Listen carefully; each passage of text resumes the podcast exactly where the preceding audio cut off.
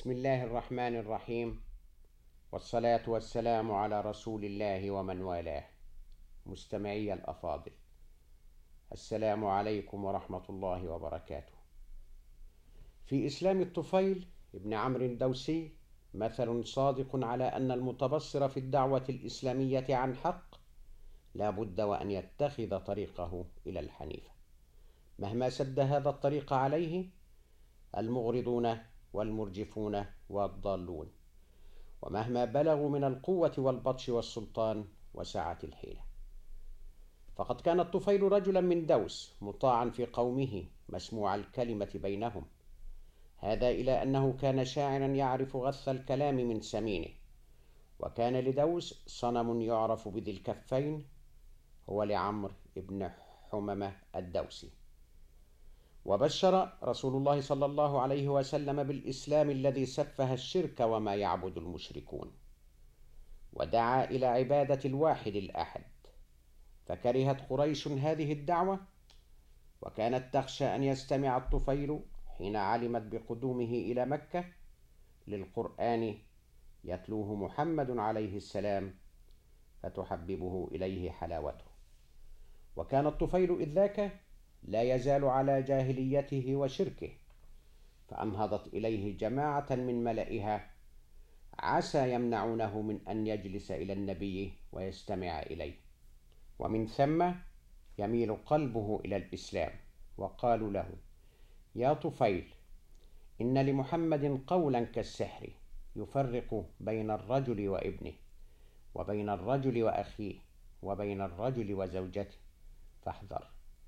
يا طفيل إنا نخشى عليك وعلى قومك ما قد دخل على قومنا فلا تكلمنه ولا تسمعن منه شيئا وألحوا عليه إلحاحا إن صاع لهم فيه لما يقولون حتى إنه حشى أذنيه قطنا كما يقولون.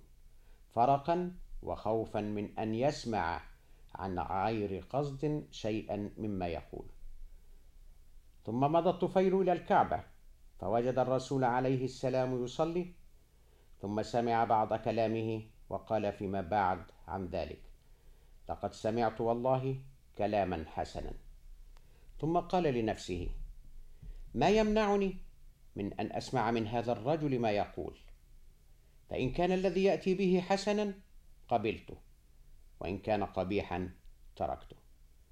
نهج كريم دل على أن في طفيل رجاحة عقل وسداد منطق كانت هذه اللحظة أول سطر في قصة إسلامه. ذلك أنه تريث حتى رأى الرسول عليه السلام منصرفا إلى داره فقصه ثم دخل عليه وحدثه بما كان من خبر قريش معه وما كان من خبره بسماعه بعض القرآن وهو في الكعبة فرآه قولا حسنا. ثم سأله أن يعرض عليه أمره ليرى رأيه فأسمعه الرسول المختار بعض آي من القرآن الكريم وعرض عليه الإسلام فتقبله بقبول حسن. ونطق بالشهادتين ثم سأله أن يجعل له آية يدخل بها على قومه بني دوس لتكون عونا له في دعوته إياهم للإسلام فدعا له. حتى إذا كان ببعض الطريق وقع نور بين عينيه مثل الصباح. فدعا الله أن يجعل الآية في غير وجهه مخافة أن يظن قومه أن به عيبا أو مرضا. فينسبون ذلك لغضب آلهتهم عليه إذ فارق دينه. وحق له أن يخاف فقد كان قومه عكافا على أصنام لا يرمون عنها انصرافا.